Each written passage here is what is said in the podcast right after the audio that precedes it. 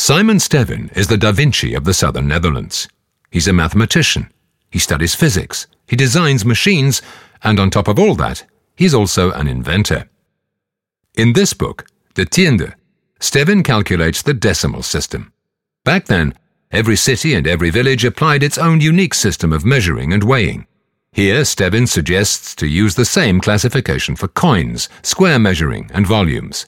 His system is based on tens. Stevin also devises an entire system of fractions, as you can see.